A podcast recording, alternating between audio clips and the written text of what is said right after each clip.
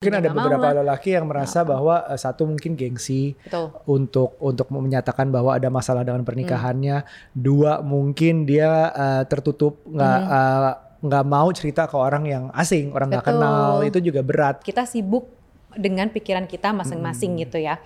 Eh, kita berasumsi ini dan itu, menebak-nebak, terus si pasangan juga melakukan hal yang sama gitu kan. Nah, Assum- itu assumption kills sih. Selingkuh sebenarnya adalah tip of the iceberg.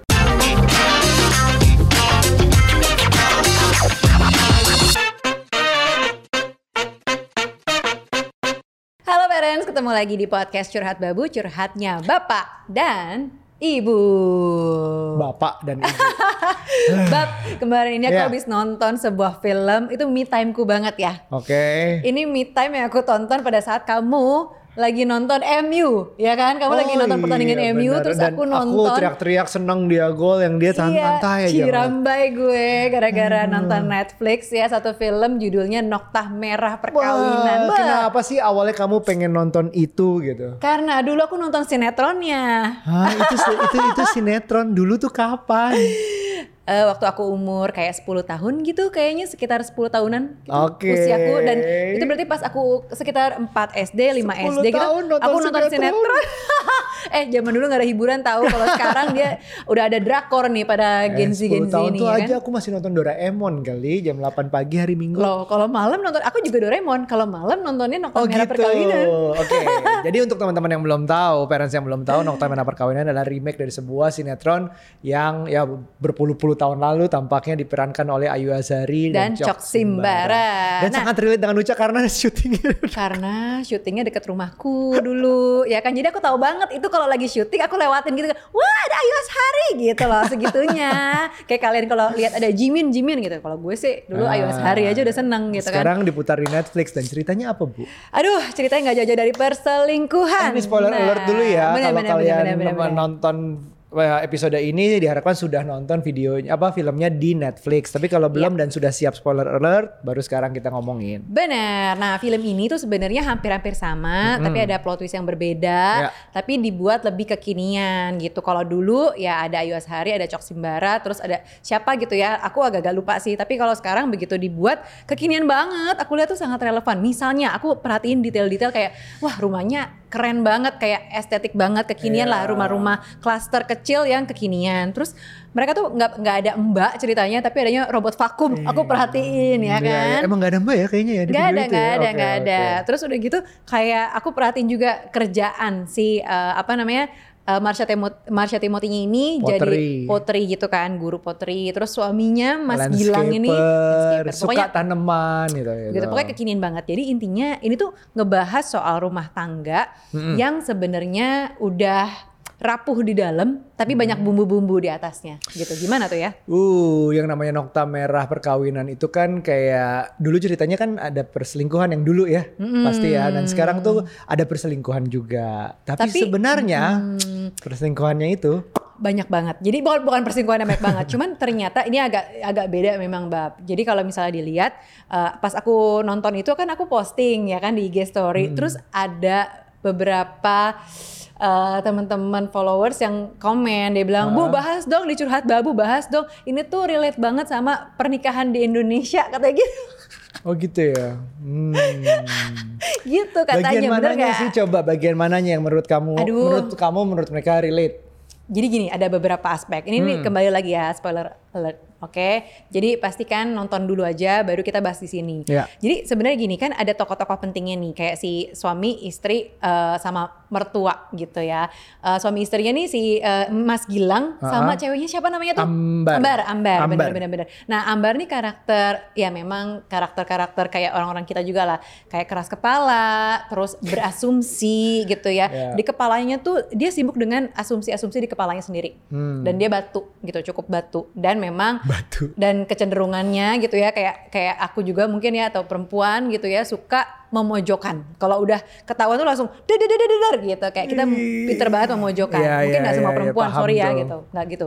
Terus eh, sisi dari laki-lakinya nih si Mas Gilangnya ini ya gitu juga sebenarnya termasuk relatif baik gitu Kekinian menurutku juga deket sama anak. Iya deket sama gitu anak ya. kayak gitu-gitu. Dia pun juga sibuk berasumsi gitu yang ada di kepalanya tentang si istrinya ini. Nah Hmm. tapi problemnya tuh sebenarnya mungkin ini juga relate nih dengan pernikahan di Indonesia. Mer Mertua. Karena si Mas Ya, Gilang ini satu- curhatnya sama ibunya. Bener, curhat sama ibunya satu. Yang menurut kita adalah uh, kita yang nggak jarang melakukan itu curhat Hmm. ke ibu. Yang kedua adalah, ini aku nonton dikit-dikit ya. Jadi yang ke- yang kedua adalah mertua yang ikut campur dalam urusan uh, keluarganya kita sendiri. Seperti anaknya harusnya bagaimana lah, um, kerjaannya harusnya bagaimana, bla bla bla. Kayak tanda kutip ngatur lah.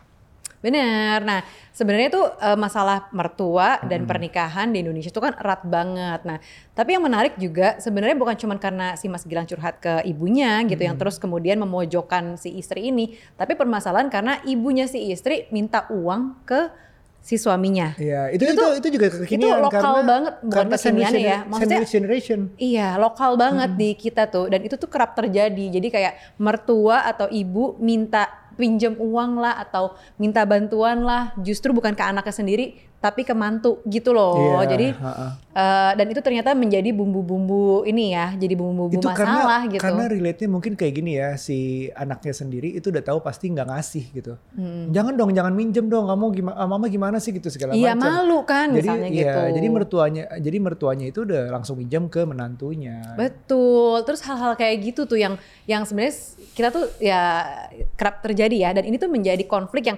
dikit-dikit dikit jadi banyak Hmm. gitu loh. Jadi terus sebenarnya ada ada satu sisinya juga yang eh, si Ambarnya itu datang ke marriage counselor. Artinya Iya. tuh udah usaha gitu loh. Jadi Iya. udah bagus ada usahanya tapi ternyata suaminya tuh kayak eh, apa ya enggan atau nggak mau datang mencoba sekali abis itu tapi dia merasa bahwa ngobrol sama orang Iya. ketiga tuh nggak enak. Aku Dan- tuh maunya ngobrol berdua doang. dan ini gitu. sekali lagi relatable Relate karena banget. karena banyak juga um, bahkan temen gue sendiri temanku sendiri yang kayak um, gue nggak siap cerita sama orang asing gitu Hmm. bahkan bahkan dia tahu aku parent talk dia tahu aku suka go marriage counselor segala macam Hmm. tapi begitu gue bilangin langsung ke orangnya gue nggak siap cerita ke orang asing gitu I know I, I know uh, my marriage need works Ya. tapi kayaknya gue cerita ke orang asing belum sem- belum siap sedangkan dalam uh, dalam film itu kayak istrinya udah langsung daftarin aja janji Iya. Padahal suaminya belum bilang iya. Itu sih buat menurutku buat suaminya kayak ya lo nggak bisa dong bikin janji on behalf of me padahal gue belum siap. Hasilnya juga nggak akan maksimal Tapi kalau dari sisi aku istri, ya udah kalau lo nggak mau kerja sama gue, ya udah gue aja dulu gitu. Iya, iya, tapi akhirnya bareng kan langsung. Bareng terus lakinya kabur karena emang Iya. tipenya yang ngabur-ngabur di tengah gitu. Abis itu Iya, dia datang iya, iya. sendiri, begitu datang sendiri lagi, suaminya ngerasa kalau nggak ngajak gue, lah lo gimana kemarin gue Iya, serba ajakin, tapi ya. lo cabut. Jadi kayak gitu dan itu tuh common terjadi deh kayaknya kalau kulihat-lihat ya Iya. gitu yang lakinya Mungkin ada mau beberapa lah. lelaki yang merasa bahwa eh, satu mungkin gengsi Betul. untuk untuk menyatakan bahwa ada masalah dengan pernikahannya. Hmm. Dua mungkin dia eh, tertutup nggak eh, nggak mau cerita ke orang yang asing, orang nggak kenal itu juga berat kayak gitu. Dan yang ketiga laki-laki ataupun perempuan dalam hubungan pernikahan suka berasumsi. Nah, sebenarnya jadi kalau aku lihat-lihat ini tuh aduh, apa ya? Permasalahan yang memang common lah di kita-kita bahwa kita sibuk dengan pikiran kita masing-masing gitu ya. Eh, kita berasumsi ini dan itu, menebak-nebak, terus si pasangan juga melakukan hal yang sama gitu kan. Nah, Assum- itu- assumption kills sih. Iya benar. Nah itu tuh sebenarnya juga kita belajar dari marriage counselor tentang hal itu gitu ya, tentang gimana oh ternyata itu asumsi dugaan-dugaan doang, padahal aku nggak pernah mengkonfront atau Iya. menanyakan dulu gitu. Benar, benar. Eh, semakin lama kita menikah, semakin lama kita bersama, kadang-kadang kita ngerasa bahwa oh gue udah tahu loh, Iya. pokoknya lo tuh pasti nggak mau deh. Gue atau misalnya di pikiran kamu, Nucha pasti bakal marah banget deh. Padahal sebenarnya mungkin kalau dibahas jadinya lebih baik misalnya gitu. benar, benar. Tapi Nah, kita sibuk dengan pikiran kita sendiri. nah, itu akibat semua itu dan perkumpulan asumsi itu terjadilah Hmm. yang ditunggu netizen perselingkuhan. Nah, Nah, selingkuh kita udah pernah bahas nih sebab atau akibat. Mhm. Nah, dalam hal ini selingkuh sebenarnya adalah tip of the iceberg. benar. Jadi bukan selingkuh masalah utamanya menurut kami ya. Karena sebenarnya selingkuh nggak akan terjadi em, itu tuh kayak nggak akan terjadi kalau nggak bawahnya tuh itu. Tapi pertanyaannya lagi, itu tergolong selingkuh nggak sih? Nah, kalau di film ini sih nggak ada bukti kuat ya kalau si Mas Gilangnya ini beneran selingkuh karena kalau buatku sebagai penonton kentang banget sih selingkuhnya gitu. Padahal aku tuh nunggu kayak ada adegan apa ya yang dramatis dan bumbu-bumbu gitu kan. Padahal kalau Oke. okay. kejadian nyata gue kayak bete banget. Nanti malah kena sensor kali. Bener-bener. gue tuh pengen yang kayak agak deng gitu kan. Ada apa nih gitu. Tapi ini kok kentang ya gitu. Dan intinya adalah tidak ada bukti yang jelas bahwa si Mas Gilang ini beneran selingkuh. Karena lagi ngapain ya ada sih kayak romansa di bawah hujan. Kok bisa-bisanya di bawah hujan payung. Masa-masa berdua gitu loh. Itu kan emang ada bumbu-bumbu gitu loh. Ada tatapan mata yang gimana gitu. Terus eh, udah gitu ada lagi kayak adegan si eh, apa Mas Gilang nih bawa selingkuhannya ini ke, ke dalam kantornya malam-malam padahal belum tentu ngapa-ngapain baru buka pintu masuk terus si Ambarnya ini ngegapin dari mobil. Habis itu marah padahal belum kayak ngapa-ngapain gitu loh. Jadi emang belum ada bukti-bukti gimana tapi menuju ke situ. Ya, dan ini membuktikan sebenarnya juga membuktikan walaupun tidak ada bukti kuat, cuman intinya kan pernikahannya nggak baik-baik aja. Jadi sebenarnya selingkuh yang wah yang lo pikirkan ah harus harus seks lah, harus ciuman segala macam itu nggak perlu terjadi pun bisa berbahaya buat pernikahan. Karena udah udah gimana ya, lo nganggapnya kalau mau suaminya berkelit gitu misalnya, enggak tapi gue nggak nyentuh dia, gue nggak apa-apa dia, but are we happy? Nggak juga kan? Iya, Gitu. tapi artinya juga sebenarnya definisi selingkuhnya itu beda-beda ya. Iya, betul. Menurutku kalau ngeliat kayak gitu ya memang selingkuh juga karena perasaan lo udah tertarik sama nih orang dengan lo tertarik aja tuh naik kereta bareng lah di bawah payung lihat-lihatan. kan nggak mungkin kalau friends kalau kamu coba sama teman kamu, hai di bawah di bawah ini emang mau itu Enggak berawal kan? dari kamu udah berapa lama sama dia? Iya. itu kalau nggak ada nih. Bener sih. ya kan itu kan udah pribadi. Kalau awalnya kan hubungan kerjaan gitu. Iya, Kamu usah udah berapa nanya-nanya lama lah ya. gitu. Bener. Oh udah mas ini emang gitu. Cek. Ya udah mulai curhat deh. iya, nggak usah lah. Well, Tapi kalau bukti-bukti itu menurutku kayak sampai bersentuhan atau apa segala macam itu cuma bukti sih. berlaku di pengadilan sih menurutku. Bener. Kalau misalnya memang mau cerai, mau membuktikan, mau gono gini, mau apa segala macam. Ya, tapi apa harus ke arah situ dulu? Saat ini kan bagi, pernikahannya ada masalah. Yang penting kan itu, yang harus dibenerin gitu. Bener sih, sebenarnya kalau kita bisa pasang CCTV di mata dan hatinya si orang ini pasti ketahuan. Tapi kan kalau misalnya nggak ada CCTV di sini dan di sini, ya nggak ketahuan dia selingkuh apa enggak. Kita nggak ada Iya. bukti gitu. Gue yakin banget ya kalau misalnya Cie lah, gue yakin banget. Ambar sini. Kita nggak, aneh banget di Tapi gue yakin banget kalau misalnya nih misalnya Ambar sama Gilang Hmm. ribut yang gara-gara perselingkuhan itu kan. Terus eh, Mas Gilang ini misalnya bilang, mana aku nggak ada buktinya kan kalau aku selingkuh misalnya gitu. Kan Hmm. Iya. emang nggak ada dong. Pertama kan kita dinain dulu ya laki-laki ya, dinain iya, dulu, dinain gitu dulu. kan. Nggak ada gitu kan lah. Kalau misalnya ada CCTV-nya kan si Ambar bisa bilang, coba buka CCTV-nya gitu. Pasti kelihatan kan di hatinya duduk duduk Hmm. Oh, duduk. gitu diterjemahkan. Coba lihat chat WA kamu, coba lihat. Iya. Ngapain nih nanya-nanya udah berapa lama sama si itu gitu. Ngapain coba telepon malam-malam? Maaf mas tadi malam saya ketiduran. Ada apa telepon tadi malam? Ya, ngapain kamu telepon malam-malam? Ngapain telepon malam-malam? Ngomongin gitu. kerjaan kan kayak nggak make sense tuh. Kalau mau berdalih nggak bisa gitu ya. Dan yang gue pelajarin ya kalau maksudnya kalau se- sekali bumbu selingkuh apa ya percikan selingkuh itu ketahuan satu sisi aja gitu ya itu pasti berent- beruntun ketahuannya. Bener bener. Udah deh nggak pasti nggak bisa. Itu tuh udah ketahuan banget lah kayak kita nggak ada yang ibu-ibu dan teman Bener. arisannya kayak kita nggak nggak pernah ada yang naksir aja gitu loh bab. Kayak seolah nggak tahu kalau ada yang mencoba tuh PDKT kayak apa gitu loh Iya, gimana percakapan bisnis sama percakapan pribadi itu beda banget sih iya. Kompor. Jadi intinya adalah mungkin kita nggak Kompor. bisa bilang perselingkuhan yang gimana gimana ya karena nggak ada adegan yang kutunggu-tunggu tadi. Sebenarnya aku mengharapkan Iya. Tapi ada balik sesuatu lagi, gitu. Uh, Tapi- poin mulai mulai selingkuh adalah di saat kita sudah membohongi suatu pihak, entah itu orang lain atau diri sendiri. benar Gitu, untuk ada yang lain. dan misalnya. kesempatan eh dan dan dan sebenarnya perselingkuhan itu terjadi karena ada kesempatan aja Ah, gitu dan, loh dan, karena dan masalah lainnya Iya, itu, iya itu masalah itu. lain, masalah lain nih. Itu tuh maksudnya sebagai kesempatan karena kan gue udah ngerasa males nih sama lo. Lo macem-macem lagi mikirin Ya, tentang kamu- gue macem-macem. Itu kan kayak Ya, jadinya kesempatan. Ngapain mama kamu minta duit ke aku? Ya ngapain kamu curhat sama mama kamu? Ya, mama kamu duluan. Iya. Enggak, enggak, ini bukan adegan sebenarnya ya. itu di film doang loh. Iya, emang, emang emang rumit sih. Kita kita selalu ngelihat uh, selingkuh itu selalu masalah besar, nggak ada nggak ada ampun buat yang selingkuh. Yang selingkuh itu penyakit. Oh banyak banget tuh komentar di Instagram kalau udah ngomongin selingkuh tuh kayaknya penyakit. Padahal ya harus dilihat dulu sebelumnya tuh apa dirinya sendiri gimana, sekitarnya gimana, yang gitu-gitu. Tapi emang faktor kayak apa ya runtuhnya pernikahan, hancurnya pernikahan tuh sebenarnya nggak cuman karena selingkuh. Bener, bener. Selingkuh tuh cuma salah satu gitu kali Iya. ya dari banyak list dosa-dosa lainnya gitu loh. Iya kita nggak bilang selingkuh itu bener ya, Iya. apalagi bukan sama sekali. Bukan, bukan. Tapi selingkuh itu juga nggak kejadian gitu aja gitu, dan Iya. banyak masalah lain sebenarnya dan akibatnya nggak harus selingkuh pun. Ini kan eh, balik lagi contohnya nggak ada buktinya, bukti yang gue nggak ada selingkuh, tapi tetap aja masa pernikahannya masalah dan bisa kandas juga. Gitu. Benar, benar, benar kayak misalnya nggak pernah ngomong atau nggak pernah ngebahas aja itu buat aku udah bisa jadi bumbu masalah sih Iya, karena iya. Eh, begitu kita misalnya tanya terus jawabnya enggak nggak apa-apa gitu. Kayak tadi tuh yang ada curhatan di episode-episode sebelumnya tuh soal pasangannya. Kok kalau di rumah diem aja di luar tapi kok ekstrovert banget nih kayaknya. Iya. feel energized kalau ketemu teman begitu di rumah Iya. main handphone Beda diam gitu, gitu. kan. Ya, nah itu aja kan ada- bisa jadi kayak bumbu masalah kan ini kenapa sih gue selalu bertanya-tanya? Atau di pikiran gue tuh kayak kenapa sih dia? Apakah gue kurang ini? Apakah dia terlalu bahagia di Iya. luar sehingga melupakan kita? Kayak gitu gitulah jadi pikiran kita juga sibuk sih menerka overthinking kalau kata Virgo sih. Iya, ya kalau uh, orang banyak, banyak mungkin lebih seru lihat dramanya ini selingkuhnya ini deg-degannya. Hmm. wah terjadi tapi ya again it's tip of the iceberg gitu. Ujung gunung es walau tip of the iceberg mungkin ujung gunung es itu yang kelihatan masalahnya. Hmm. padahal yang nggak kelihatan. Nah tapi aku tuh paling suka sebenarnya bagian endingnya ya Eh, Ah, disclaimer gue nggak sampai ending. Oh iya dia dia agak nanti gue cerita kenapa. Terus kamu dulu.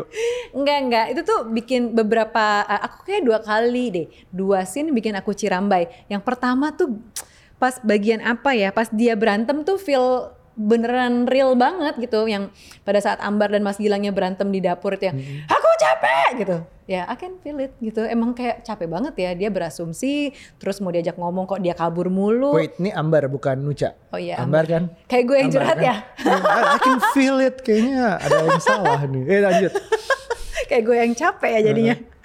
Iya iya iya. Pokoknya jadi kayak kerasa banget. Itu tuh hal-hal yang kerasa terjadi gitu loh di Hmm. dalam pernikahan tuh bisa segitu. Kalau misalnya diem terus itu kan juga di kayak digambarkannya mereka nggak ada komunikasi diem kayak Iya. tenang tapi begitu sekalinya argumen tuh pecah banget gitu loh Iya. bab. Nah itu adegan pertama tuh yang aku tuh agak-agak berkaca-kaca gitu. Terus yang yang kedua, kedua? pas pada saat bagian Mas Gilangnya tuh terakhir-terakhir bilang, aku nggak bisa ngebayangin hidup aku tanpa kamu, tanpa anak-anak tuh gimana. Makanya terus dia kayak baikan ya ya gitulah. Nah, Jangan bilang-bilang dong kalau ada yang belum nonton. Hmm. dari tadi udah spoiler alert kali udah keluar aja aku cuma semuanya bilang belakang aja, aku nggak bilang bagian mana, ya cuman udah, oke. bagian itu gitu. Jadi Ya, happy ending lah. buatku maksudnya eh, laki-laki bisa tobat juga. anjir kesannya. Dan gue diomelin bapak-bapak. kesannya tapi gue mewakilkan bapak-bapak ya kenapa gue nggak selesai film ini? Karena capek lambat banget drama banget. Maaf ya maaf. Ma- ini dengan segala hormat gue uh, menghargai sinetron diangkat ke ke uh, film dan dihadirkan di streaming yang kekinian dengan artis yang papan atas tapi nggak semua adegan harus ada musiknya yang melo-melo gemes ya. bapak-bapak nonton kayak gitu gue gue bab kamu nonton deh ini nih ya udah nonton ya udah nonton cepetin 10 detik Aduh. cepetin 10 detik Eh, guys tapi Nokta Merah Perkawinan ini lebih menarik daripada waktu nonton MU loh. Kamu Eh. nonton MU gitu, aku kayak ah, bu bosen itu ya. menang lawan nonton. City bu itu ah, Pokoknya lebih seru nonton Nokta Merah Perkawinan gitu. Nah, oke balik lagi tadi bagian bagian yang si Mas Gilangnya bilang kayak gitu ya. Jadi menurutku kayak oh iya laki-laki bisa tobat juga nih dalam hal ini Mas Gilang maksud gue ya. Hmm. Walaupun kayak ragu gitu kalau udah sekali mencoba berselingkuh apakah dia akan melakukan hal yang sama walaupun Oh. baru kayak mencoba lagi gitu ya eh mencoba ya kayak si Mas Gilang ini. Eh, tapi dengan dia ngomong kayak gitu sedih juga sih ngebayangin wah iya ya kasihannya apalagi anaknya yang menjadi korban di di film ini sih digambarkan si anaknya yang pertama si, ya iya, si siapa yang Gebagas, Mas Bagas Uh, ya. karena mungkin lebih besar terus dia sempat kelihatannya dari awal bagus sebenarnya dia, dia kayak depresi gitu Iya, ada menyimpan. depresi yang diem, diem. Nah itu tuh yang sebenarnya kayak ngaruh banget, eh ngaruh banget. Maksudnya parenting sekarang kalau kita lihat anak kita memang pendiam, pendiam, memendam gitu ya memendam, coba dieksplor deh. Jangan Iya. kayak ngerasa, wah emang anak gue emang pendiam. Tapi siapa tahu dia tuh memendam sesuatu gitu loh. iya jadi Itu sih yang kasihan. Itu juga harus uh, diingat yang dipelajari dari film ini. Uh, kalau kita ngelihat dari sisinya Ambar doang, ngelihat siapa namanya Mas Gilang yang berselingkuh, udah pasti tuh kayaknya dia yang salah gitu. Kebenaran, Iya, benar. kebenarannya adalah kebenarannya si Ambar gitu. Jadi ceritanya kan kita nggak ngeliat nih sebelumnya apa yang dirasakan Gilang, apa yang terjadi sebelumnya, seolah-olah itu salahnya Gilang doang gitu. Tapi ya seperti yang gue bilang pernah juga di episode lainnya bahwa kebenaran bisa beda-beda. Kebenaran milik ada tiga tiga sisi kebenaran. Kebenarannya si Ambar, kebenarannya si Gilang sebenarnya yang merasa bahwa istrinya dingin, ngatur, berasumsi itu bisa jadi yang yang menyebabkan segala macam dia nggak berani cerita. Misalnya ibunya minjem duit, tapi dia pengen ngebantu misalnya. Iya. Tapi kayak um, misalnya bagian nih yang aku sama sama si nonton bagian Ambar menegur ibunya bahwa uh, dengan segala hormat ini anak saya gitu. Memang bisa speak up ke mertua seperti itu, tapi dengan uh, Gilangnya marah tuh kayak itu nggak dibicarakan sebelumnya antar mereka. Iya. Nah iya kan, kalau kamu tiba-tiba ngomong ke ibuku tanpa ngomong ke aku dulu tentang ini juga itu kan menyebabkan sesuatu sih menurutku. Iya benar benar benar. Nah itu kebenaran kedua. Kebenaran terakhir mungkin kalau ya ah, mikirnya adalah kebenaran yang sebenarnya yang nggak ada be- eh, pasti ada bedanya dari kebenaran Ambar sama kebenarannya Gilang. So the three sides of truth gitu. Iya sih, ada tiga sisi ya. Jadi eh, eh, kita sebagai penonton, apalagi yang ada di luar gitu ya, menyaksikan ini dan itu, dan kita pun juga jadinya berasumsi. Iya. Lah, lo si Ambar begini begini begini. Nah, lo si Gilang gitu kan. Nih lagi nih si selingkuhan. Siapa namanya pelakornya? Kok aku lupa sih. Tapi untungnya pelakornya itu nggak ini ya, nggak apa namanya? Siapa namanya? Si siapa sih namanya? Sheila siapa tuh? Eh, iya iya iya jadi itu siapa sih? itu pemainnya. Oh, di- Yuli Yuli. Tuh ada kode-kode dari Yuli namanya. Iya iya iya iya. iya. Iya iya iya. Jadi maksudnya si Yulinya untung juga nggak ngelunjak ya. Kalau di sini kayak kejadian nyata yang Yuli-Yulian ini Tanggung jawab pasti lagi. Iya, tiba-tiba datengin kan kamu pilih aku gitu apa dia Ya, pasti pilih ya. aku misalnya gitu. Kayaknya kayak gitu deh kalau Oke, kehidupan nyata. well, semoga banyak belajar dari dari satu film tuh yang bisa ditonton bareng suami istri. Aku nonton setengah. Jadi ah, jadi dari satu film kita bisa belajar, bisa kalian bisa nonton dulu di Netflix, terus ke ke kita bahwa semoga beranggapan yang agak sama bahwa kita bisa melihat dulu dari sisi satu, sisi dua, sisi ketiga bahkan yang mungkin gak dipikirin sebelumnya bahwa three sides of truth, bahwa selingkuh itu cuma tip of the iceberg. Banyak sebenarnya yang bisa dipelajari kalau kita nonton sebuah film bareng terus diskusi mungkin. Betul, eh, ada satu adegan yang paling aku suka banget, yang paling favorit adalah Aku capek mas, aku capek sendirian dalam pernikahan ini. Sampai ketemu di episode berikutnya. Bye.